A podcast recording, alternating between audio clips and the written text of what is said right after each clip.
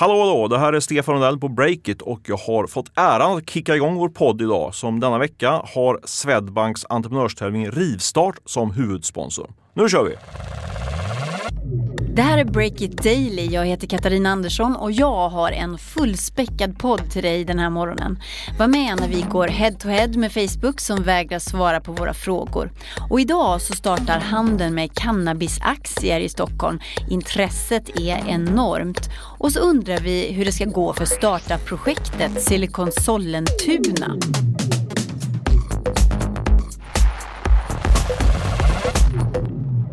Det är fredagen den 26 oktober och vi börjar med Breakits avslöjande från igår om hur falska Facebook-annonser utnyttjat kändisar som Spotifys Daniel Ek, statsminister Löfven och finansminister Magdalena Andersson. Nu har det gått 24 timmar sedan jag började ställa frågor till Facebook och lämnade över alla de här falska annonserna. Men Facebook vill fortfarande inte svara på några frågor så jag är på väg upp nu till deras svenska huvudkontor för att se om det är någon där.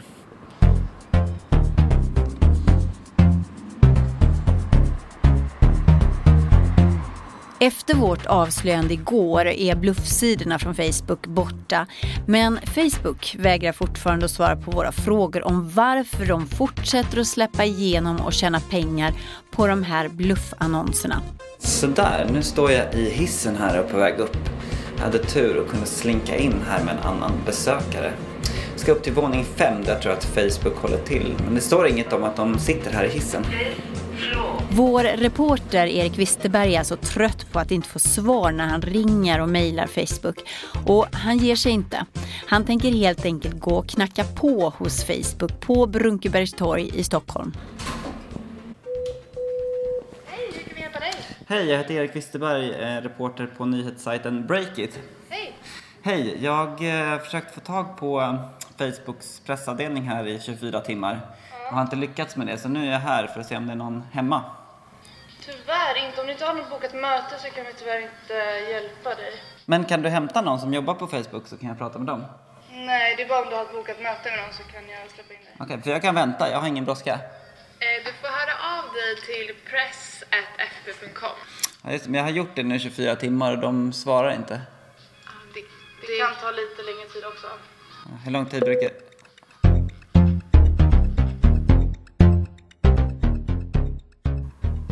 Nu sitter jag nere i lobbyn här på Facebooks svenska huvudkontor. Jag ska göra ett försök till att eh, ringa upp Facebooks svenska pressansvariga. Jag vill jättegärna höra hur de granskar annonser. Och precis så där har det låtit i öronen på Erik när han försökt nå Facebook med tuffa frågor. Nej, det blir inget svar där heller. Nej, nu får jag ta och låsa upp min hoj och åka tillbaka till Breakits redaktion. Men det här är ju ganska talande för hur Facebook brukar agera. Det är en plattform med väldigt stor makt, stora ekonomiska muskler och till synes en total oförmåga om att kommunicera om vad som händer på deras plattform.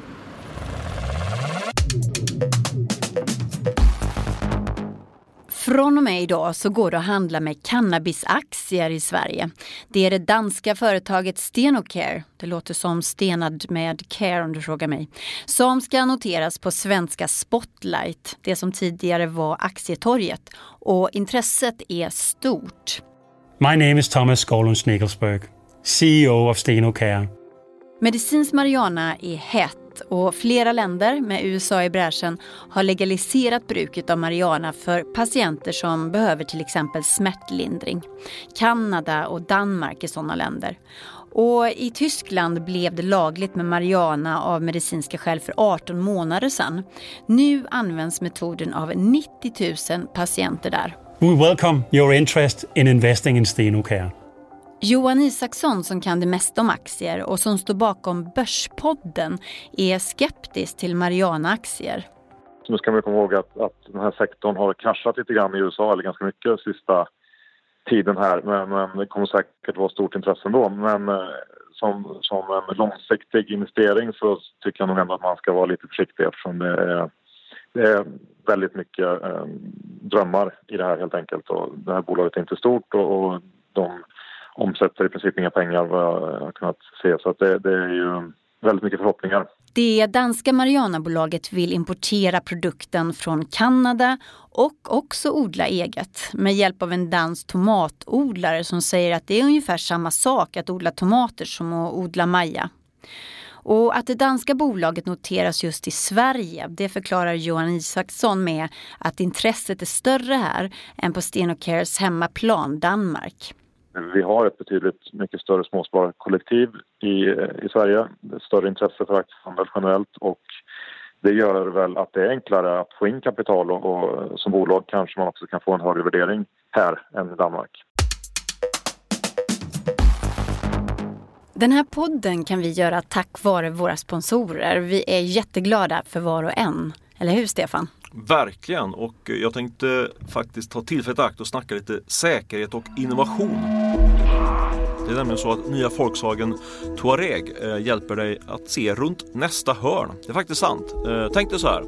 Efter en lång dag på jobbet rullar du ut från parkeringen och ska precis svänga ut i trafiken. Då rusar en cyklist förbi innan du hinner reagera. Men din bil är redan ett steg före och bromsar automatiskt innan kollisionen är ett faktum. Helt magiskt måste man säga. Den här eh, radarfunktionen från Volkswagen som heter Cross Traffic Assists. Jag är lite dålig på engelska men det är ungefär så man uttalar det. Eh, den upptäcker faktiskt den korsande trafiken redan innan föraren hunnit reagera. Och det är bara en av de tekniska lösningar i nya Volkswagen Touareg som gör dig och medtrafikanterna säkrare än någonsin förut. Upptäck Touareg hos din Volkswagen-handlare. Den har ju förmodligen redan upptäckt dig.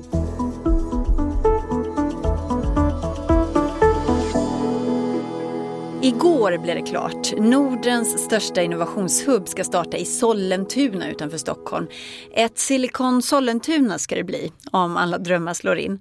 Det är riskkapitalbolaget Well Street som står bakom planerna tillsammans med Sollentuna kommun och ett fastighetsbolag som äger lokalerna.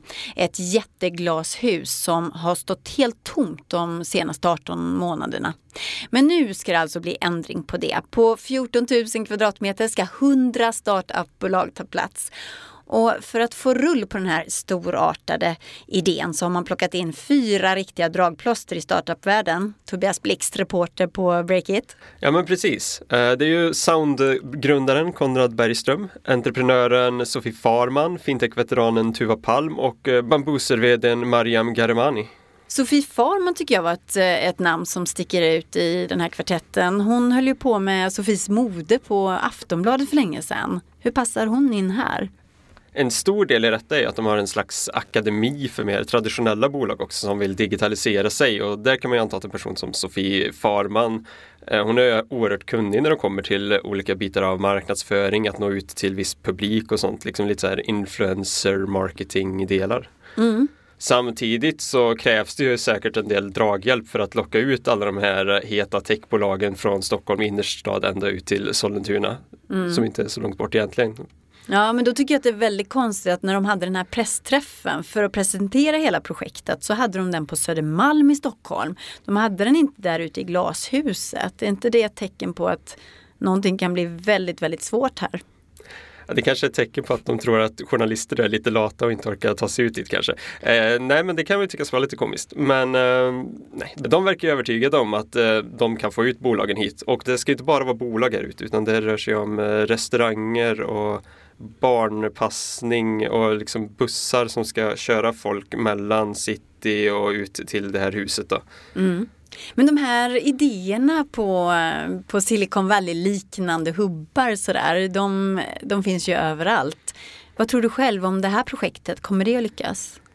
Det är så storslaget så man vill ju att det ska lyckas på något sätt. Alltså det är ju verkligen ett jätteprojekt, mm. märker man ju. Uh, det är svårt att se, det är ju många delar som ska klaffa känns det som. Men de har ju, verkar det som, en stor mängd entreprenörer som också tror och vill liksom vara med i den här uh, satsningen.